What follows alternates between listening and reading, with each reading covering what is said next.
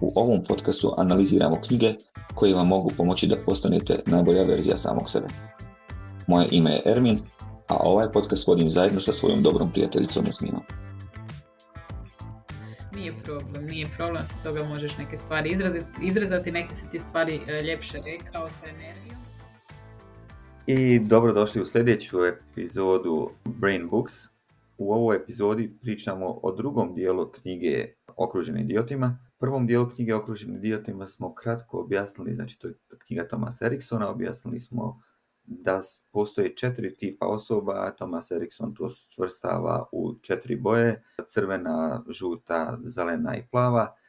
I ta, te četiri tipa boja određuju vaš tip ponašanja ili tip ponašanja osobe s kojima razgovarate. Kako to izgleda? Plave boje su analitičari, oni donose odluku na osnovu podataka, Ljudi crvene boje su dominantni, su obično lideri i vode, vode tim i brzo donose odluke. Zelene osobe predstavljaju stabilnost, osjećaj sigurnosti im je vrlo važan u životu i žute osobe su avanturisti i inspiriraju druge i vrlo, vrlo su kreativni, vole puno pričati. Ja bi se nadovezala, u principu 80% e, ljudi ima dvije dominantne boje, tako da se ne morate bojati da ste samo jedna boja. Obično je samo 5% ljudi koji imaju jednu dominantnu boju, a 15% imaju tri dominantne boje koje su, koju ajmo reći, definiraju kako se ponašaju.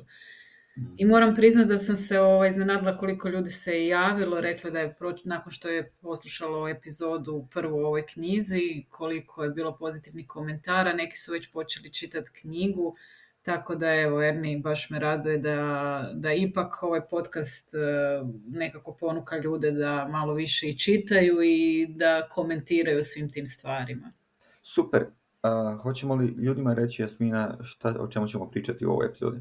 I govorit ćemo o tome kako prepoznati ljude putem e, njihovog govora, putem govora tijela, e-maila i takvih nekih stvari, pa time i adaptirati svoje ponašanje da bi nas ta druga osoba razumjela šta pričamo, kako je važno imati sve te boje prisutne u grupnom radu, da li govorimo o privatnom i poslovnom životu i isto tako kako ljudi reagiraju na stres, eventualno im pomoći da se u tome na neki način snađu. Tako da evo, ovaj put ćemo u epizodi govoriti puno više o nekim savjetima i kako implementirati ovo znanje da bi ostvarili tu bolju komunikaciju među ljudima. Ja moram priznati da meni pomaže da, da mogu prepoznati s kim pričam, da mogu nekako njihovu reakciju bolje razumjeti i na osnovu te njihove reakcije poduzeti sljedeće korake ali zapravo zanimljivo jer se može koristiti u boljoj komunikaciji. I to je ono uvijek pitanje kao je boja neka osoba. Mislim da se to jako može lijepo iščitati iz e, govora tijela kad je neko ono puno sigurniji u tom nastupu, obično su to crvene osobe, onda ono kad puno mašu rukama, gestikuliraju, obično su to žute osobe.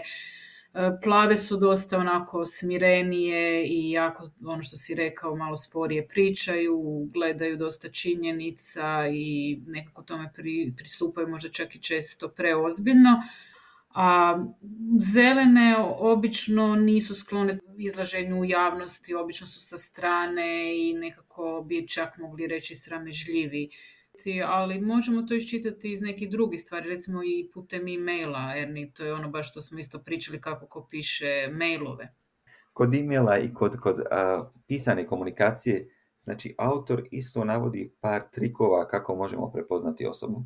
Primjer koji on navodi u knjizi je kada dobijete e-mail koji je vrlo kratak tipa, sastanak je sutra u 8 sati i onda velikim slovima napisano ono, molim te nemoj kasniti to je tipična crvena, crvena boja, vrlo kratko, naredgodavno, kada napišu to u velikim slovima, ljudi onda misle, ok, zašto ovaj galami za, na mene?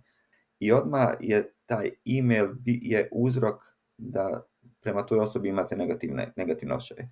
S druge strane, crvena osoba u principu nije htjela napraviti ništa loše, samo je činjenično stanje iznijela. Rekla je, sastanak je sutra u osam, nemoj kasniti, nije htjela vas ni povrijediti time, nego je samo iznijela ono što, svoje očekivanja na koja ona misli da ima pravo da iznese. Pa dobro, znaš šta, ali ja ne mislim da sada ljudi, pogotovo u poslovnom svijetu, da vode računa kako pišu te e-mailove, tako da vode računa da nije to capital ili velika slova, da ipak ima svoj rep, e, to je početak i kraj, da mislim da se sad više vodi računa o tome jer jednostavno shvaćaju je, shvaća i ta druga strana koliko ipak te stvari mora, mora na njih obratiti pažnju. Tako da mm. mislim da crveni mm, se isto malo prilagodili takvoj nekoj situaciji. Nisam, nisam siguran. Radio sam par ono velikih enterprise jel, ovaj, svjetskih, imali smo imali smo e na, na mail odgovara sa jednom rečenicom ili jednom riječi, samo kaže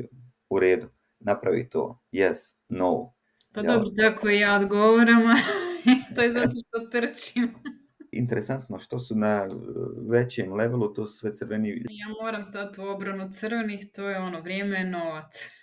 Ništa protiv crvenih, nego jednostavno je to način komunikacije. Kad dobijete takav email, znate sa kojim tipom osobe komunicirati, lakše će vam biti razumjeti zašto se on tako ponaša Da, i u principu ne uzimati to preosobno jer ta osoba ono, u principu komunicira tako na taj način jer misli da je najefikasnije Da, da. osobe koje peglaju svoje mailove koje, kad si rekla onako da zvuče i koji ih pročitaju nekoliko puta, to su obično zelene osobe. One će voditi računa da i ako vas podsjete na taj sastanak da kažu, e, kao što vjerovatno znaš, Jasmina, imat ćemo sastanak, ne znam ja, utorak, radujem se da ćemo se vidjeti i poneću e, krofne i perece i ne znam ja, kifle neke i tako dalje, da se ti nastutiš uređeno. Osoba zelena će voditi računa da zvuči vrlo ljubazno i fino i pročitat će svoj ime nekoliko puta prije nego što ga pošalje van. A da, o tom smo pričali u prvoj epizodi koliko nekim osobama je stalo za tih e, odnosa tako da s te strane će puno više energije e, uložiti u takve stvari upravo zbog tog što smatraju da su ti odnosi ključni u funkcioniranju. Tako isto i žuti dosta će napisati tih nekih e, ajmo reći, šala i nastojeći da taj e, email, iako je možda i ozbiljne tematike, da bude malo lakši i jednostavno da druga strana to prihvati, kao, ajmo reći, više kao šalu, ali isto tako i da shvati ozbiljnost. I evo nadožvezujemo se još i na ovu plavu boju gdje u principu one su dosta onako eh, mailovi pun, dosta imaju činjenica, eh, često imaju atačmente, nema tu sad nekih suvišnih riječi, nego je to više, ajmo reći, ko neki ali tako da s te strane plavi su u poslovnom svijetu prilično ovaj, konkretni i idu na ponekad možda malo i previše u detalje, ali s te strane recimo za posao prilično iscrpno ovaj, obavještavaju. I dobro su pripremljeni, jel? Ja bi se još samo nadovezala, e, osim znači što smo rekli i govor tijela, i glas, i ti mailovi, to je poslovna komunikacija ili komunikacija općenito jako govori o kojem tipu osobe. E, mislim da je isto bitno napomenuti i kako se ljudi oblače. Iz tog također možete, ako ćete malo promatrati, kako se neko oblači. Često, recimo, crvene osobe nemaju problema obući crvenu haljinu, nešto crveno, nešto što je jako vidljivo. Muškarci isto neke druge stvari pogotovo simbole moći, neke skupe stvari. Žuti su isto skloni tim pokazivanju inovacija, tako da ćete kod njih vidjeti najnovije gedžete, vidjet ćete isto tako radosne boje, možda čak najviše žute i to uglavnom sve onako nekako leteće, pršavo. A kad promatrate malo zelene osobe, one će biti uvijek neke u mirnijim bojama, staloženije, neće to biti neke sad ono kreacije da ćete ih odmah zapaziti na crvenom tepihu, nego će uvijek biti na neki, ako se uopće prošetaju po crvenom tepihu, nego će to biti neke staloženije kreacije. Mi, mi ovdje u principu sad govorimo o, tim nekim ekstremnim pokazateljima da bi vam pokazali kako lakše možete prepoznati boje. Ali ovo što Jasmina što si rekla, i žuta i crvena boja su boje koje se vole eksponirati i nemaju problema ni da stoje na steđu, ni da pričaju pred velikom publikom. Plave i e, zelene boje su više mirnije i trebaju više sigurnosti, a i ne treba im to eksponiranje prema vani. Što, što je vrlo interesantan uvod, znači mi, mi ovim bojama pričamo kako ih možete prepoznati da biste mogli isto komunicirati s tim bojama na, na bolji način i da možete znati da, šta da očekujete. Jel?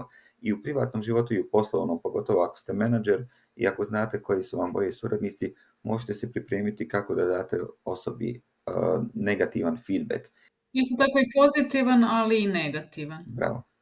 Jer mhm. svaka od ovih osoba će na jedan ili na drugi način e, prihvatiti vaš feedback, tako da bi bilo dobro da vi, ako već dajete taj feedback, kao menadžer ili u privatnom životu isto, da, znate prepoznati koje je vaš sugovornik, i da na osnovu toga poruku oblikujete kako bi, ga ona, kako bi ona tu poruku lakše primila.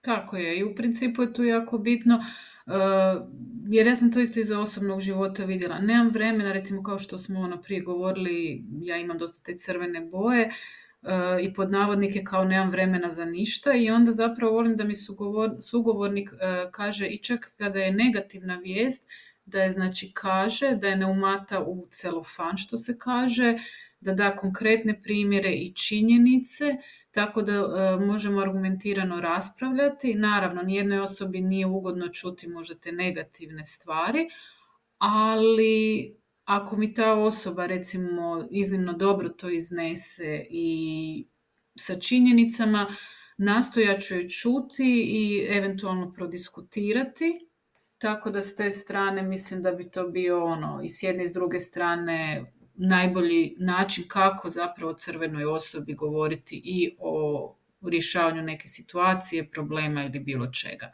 Hmm. Znači, kao što smo rekli, znači, crveni nemaju problema da vam brutalno kažu istinu u lice, ali također i ne očekuju od vas da vi umatate nešto u celofan, nego ako imate nešto da kažete, možete reći Očekujte pushback, zato što se one neće vjerojatno složiti s vama, ako je negativan feedback, budite pripremljeni da će izbiti kratki rat, A sad žuti, kako bi ti htio primiti jedne loše vijesti? A, problem kod žutih je da, da, da mogu shvatiti te loše vijesti kao da napadate njih kao osobu, jel? I onda se oni počnu braniti kao osoba.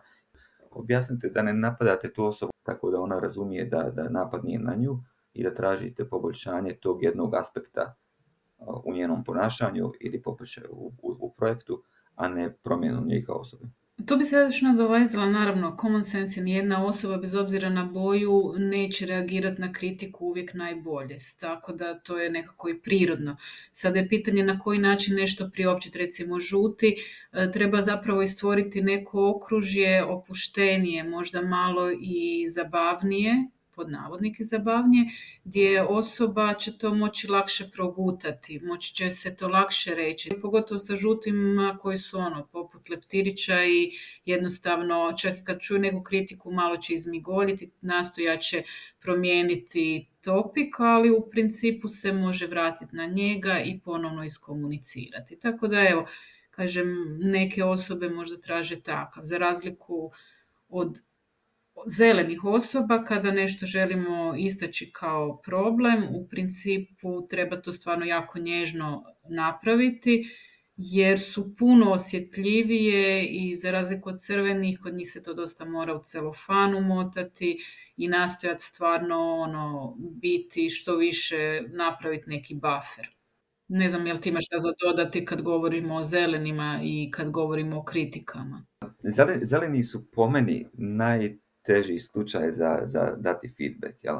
Morate im dati konkretne primjere i čak i ako to napravite, to, to opet neće pomoć. Celena osoba će reći da, da, da, ja sam kriva, stvarno trebala sam, u buduće ću raditi drugačije i preuzet će krivicu na sebe, što, što crveni i žuti nikad neće, nego je uvijek neko drugi kriv. Kod zeleni, zeleni će preuzeti svoju krivicu. Problem sa zelenim je da čak i ako im kažete ovaj negativan feedback i čak i ako oni razumiju što su napravili pogrešno, sutra će napraviti to isto. I tu ima jedna interesantna priča u knjizi. Bračni par, suprugu je strašno nerviralo što se suprug stalno igra na Playstationu. Ona mu je onda uskrenula pažnju i rekla, znaš šta, Mili, ja ne volim što ti stalno igraš na, Playstationu, ovako, onako, i on je rekao, da, da, stvarno, do mene, ja to neću više, znam da trebam više vremena posvetiti porodici. I narednih tri mjeseca je bio pravo fin i pravo nježan prema njoj i pomagao joj oko kućanstva i sve, ali se nije prestao igrati na Playstationu. znači, on će to nekako nadomjestiti ali neće prestati raditi ono što je radio negativno. A poslije ćemo se nadovezati sa pričom o stresu, hendlanju stresa i e, gomilanju ljutnje, baš kod zeleni gdje ćemo zapravo malo više i taj dio pokriti zbog čega neke stvari se ne rješavaju na početku. Ali prije da toga samo kažemo kako plavi ovaj prima feedback, u principu kada baratamo sa činjenicama, i konkretnim stvarima, onda možemo se obratiti plavim jer će on tražiti što više, znači zašto, kako, konkretne stvari, nema tu puno po meni e, nekih emocija, nego baš baratanje s činjenicama i na neki način ćemo doći do rješenja. Ono što je problem, plavi često teže ka tom nekom perfekcionizmu, što više informacijama, a nekada radi projekata ili inače u, u privatnom životu nemamo toliko vremena da bi apsolutno mogli sve istražiti i sve rizike zapravo izbjeći. Jednostavno život je život i neke stvari dolaze i rješavaju se u hodu. Tako da plavi, e, kada im se da činjenica i to, dosta je lakše iskomunicirati neki problem.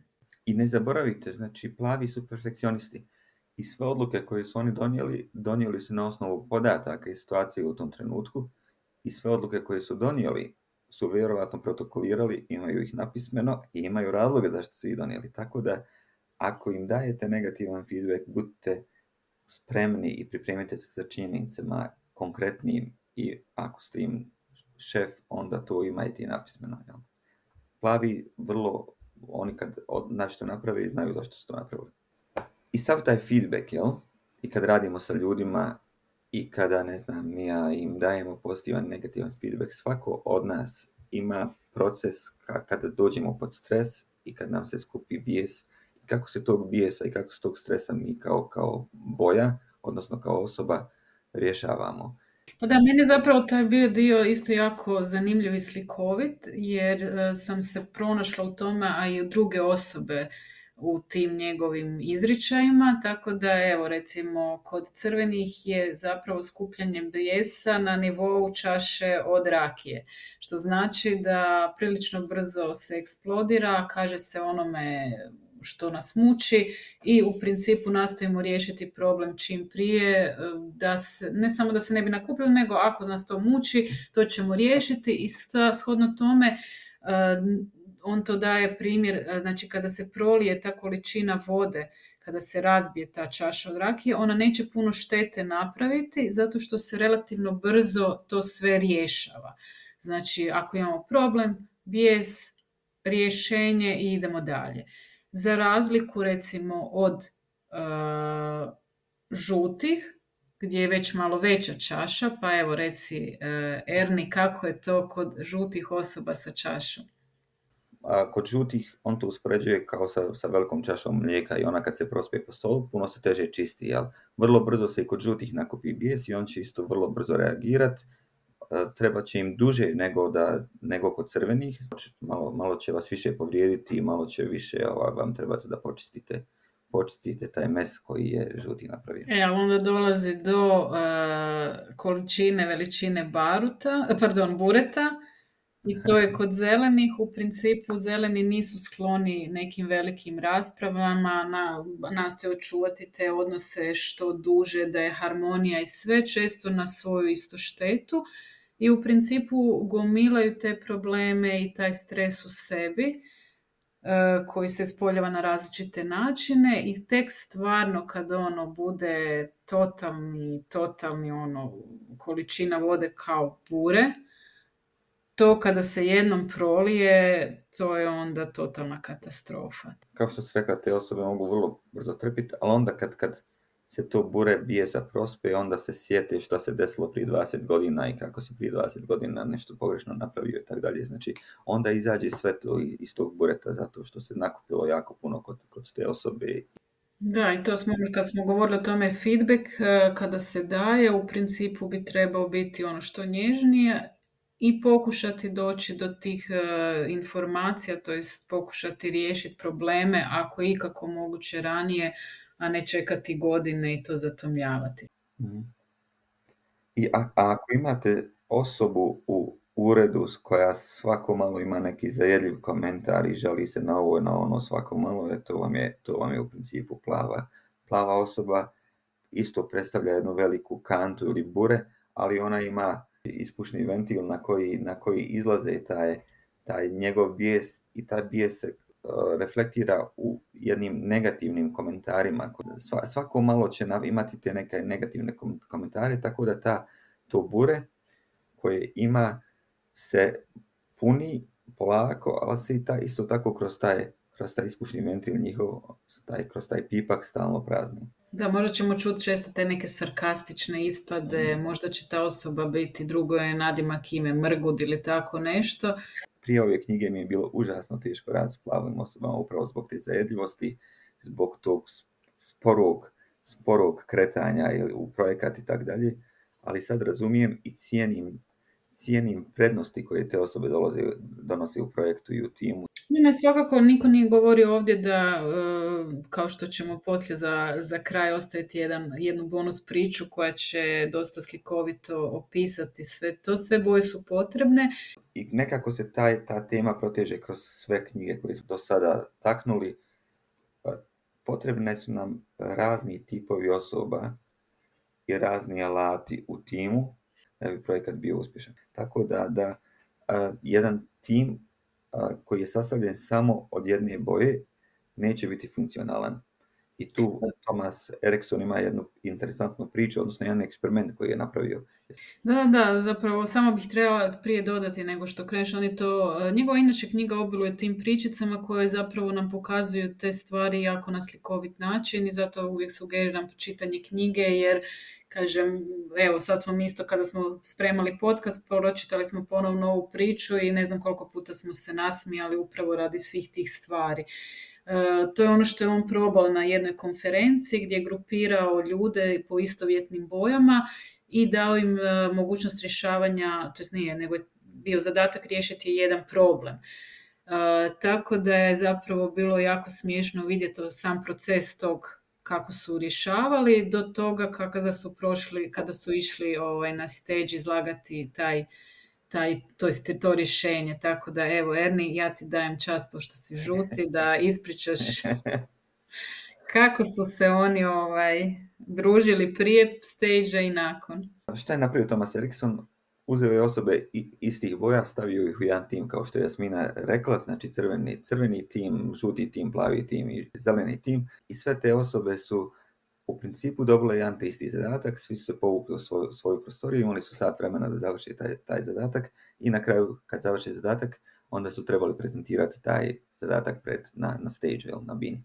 Nakon određenog vremena, Tomas Erickson bi otišao u svaku od tih prostorija da vide kako, kako napreduje projekat, kada je ušao kod crvenih, dva crvena su se već svađala oko toga kako treba i što treba napraviti. Nisu svađali, nego su samo glasno razgovarali, to je raspravljali. Drugi crveni je nešto onako žustro crtao po, po papiru, tako da je olovka skoro, skoro pukla. Izgledalo je na, na, na opći kaos. To se zove žar rješavanja problema.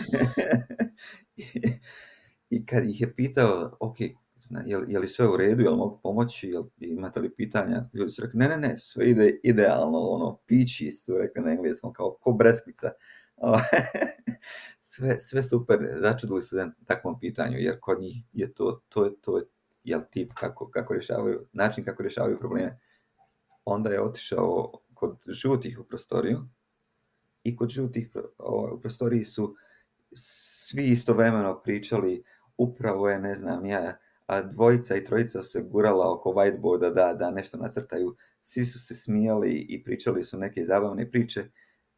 Čak na, na Tomas Eriksona pitanje da li, da li vam treba pomoć, imate li neki pitanja, neko od tih žutih osoba ga je uspio ovaj, satirati kut i ispričati mu neku, neku priču koja nema veze sa, sa cijelim projektom, ali je bila vrlo zabavna i vrlo smiješna. On je lobirao recimo. Molim?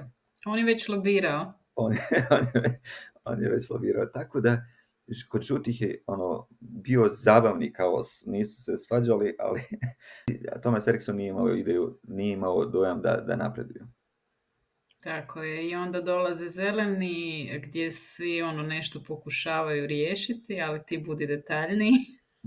Zeleni kad je došao, svi su bili tihi, pričali su vrlo tiho, jedan drugog su slušali, ova osoba je rekla nešto, ova druga bi dodala, Treća osoba je pričala upravo kako joj je umro pas koji od, od starosti i svi su skupili oko nje da, da, da je utješe zbog toga zato što, je to, zato što je to iz nekog razloga važnije bilo u tom trenutku nego, nego projekat. I, a, I naravno da su imali pitanja, ali svako to pitanje bi izazvalo drugo, druga pitanja, tako da se nisu sudili puno ni, ni zeleni pitat. i, u sobi sa plavima je bila apsolutna tišina. Oni nisu ni razgovarali jedni s drugima, svi su čitali ovaj, dokumentaciju i pokušavali su razumjeti šta je Thomas Erikson htio tim zadatkom da kaže. I na pitanje imali pitanja, bilo je jako puno toga nejasno. Čak su mu rekli da je imao i par gramatičkih grešaka u tekstu i da nije pojmove dokoristio kako treba i tako dalje. Znači, plavi, plavi su se fokusirali da napravi taj, taj zadatak ali vrlo kvalitetno, tako da nisu odmakli dalje ne od, od čitanja specifikacije za sad. I onda je vrijeme isteklo i napokon su svi morali zapravo prezentirati šta su e, riješili, to gdje, gdje je rješenje problema i dolazi vrijeme da izađu na stage. Jedan mora prezentirati, jel tako? Crveni su odmah požurili, oni su rekli, e, mi smo bili gotovi za pola sata, oni su to shvatili kao natjecanje sa drugim bojama. Crveni su izašli na stage nakon kratke diskusije i, i ono što bi nama ostalim bojama izgledalo kao svađu, dogovorili se ko će prezentirati, vrlo samouvjereno su prezentirali i prezentirali su rješenje koje funkcionira, ali nije bilo rješenje za taj problem. Komentar crvenih je bio, a taj problem i onako nije, nije realan, mi smo ovo što si ti napisao o, prilagodili realnosti i prezentiramo nešto sasvim drugo. to vidiš, to je znači teorija u praksi. Kako je bilo sa žutima? Jesu li se oni možda posvađali ko će doći na stage ili su svi izašli ko što bi inače? Oni su kasnili, tri puta je morao nekog slati da ih vrati. I nakon što su žuti izašli, naravno žuti isto kao i crveni, nemaju problema stajati na steđu. izašli su, opet je bila diskusija ko će prezentirati. Osoba koja je prezentirala projekat je pričala na vrlo zabavan način, svi su se smijali, Naravno da, da su iznijeli pet mogućih rješenja, od kojih nijedno nije završeno do kraja, i naravno da su žuti ja onda pričali kako ih je to, taj cijeli projekat ovaj, inspirirao i kako jedva čekaju da se vrate ponovo u svoje firme, da implementiraju ono što su naučili, iako vjerojatno ništa nisu naučili. Kako je to sve bilo zabavno, nakon što su žuti završili, dobili su ono standing ovation i veliki aplauz od publike. Dobro, i šta bilo s plavima? plavi kad su izašli na stage, plavi su rekli, ok, e, nama sat vremena nije bilo dovoljno. Mi moramo, mi smo tek pročitali specifikaciju i počeli smo vrlo, vrlo detaljno raditi. I, uh, by the way, Tomas, pobrko si pojmove u specifikaciji i ovdje ti fali zarez i ovo baš nije optimalno napravljeno. Tako da plavi isto nisu završili zadatak. Plavima uvijek treba više vremena da to implementiraju vrlo dobro i vrlo kvalitetno, zato što se bave detaljima koji možda u tom trenutku nisu toliko. Divno. I četvrta grupa dolazi na red. I zeleni. Ovaj, ja sam stvarno ne mogu sad sjetiti šta, je bilo sa zelenim, oni nisu... Pa kao prvo bili su totalno sramežljivi, niko nije ni htio izaći na stage, zato što jednostavno to je njima nepojmljivo i zapravo ako hoćete e, zelenog i nagraditi ili bilo šta, nikad ga nemojte ispred tako velikog auditorija jer će vam zamjeriti jer on sam po sebi nije baš sklon prezentiranju i to. Tako da kada oni su došli, e, zapravo jedan je sramežljivo izašao koji je trebao i nastoji to prezentirati. Mislim da rješenje nisu našli, ja se sad baš točno više ne sjećam. Iako su se trudili sve to skupa prije toga napraviti, mislim da su nešto djelomično, li tako? Nešto su napravili, ali su imali puno više pitanja nego odgovora na specifikaciju. Da, tako da evo ga, uglavnom ovo jeste malo onako šaljivi i ekstremni primjer, mislim da je tu malo i onako ovaj, možda i nabrijana priča, čisto da malo više ovaj, se to vide te razlike, ali zapravo je toliko smiješna, barem nama, da pa mm. samim time je pokazala koliko zapravo je potrebno i svake boje u nekoj grupi da bi došli i do rješavanja problema i diskusije i činjenice i svega toga, tako da nismo mi okruženi idiotima, nego samo različitim osobama koje zapravo trebaju u bilo kojem smislu. Dobar uvod u našu sljedeću knjigu. Mi ćemo sljedeći put analizirati knjigu od Daniela H. Pinka, koji je uh, autor knjige koja se zove Drive na engleskom i poriv je preveden. Čak knjiga o motivaciji, šta nas motivira i kako danas motivirati ljude u društvu, u porodici, ali i u biznisu. Da, izuzetno zanimljiva knjiga, zato što jednostavno govori o puno stvari i to što si rekao od poslovnog, ali isto tako govori i kako odgajati djecu na način da zapravo ne budu ovisni o određenim nagradama, nego da jednostavno rješavaju zato što je to nešto što je potrebno.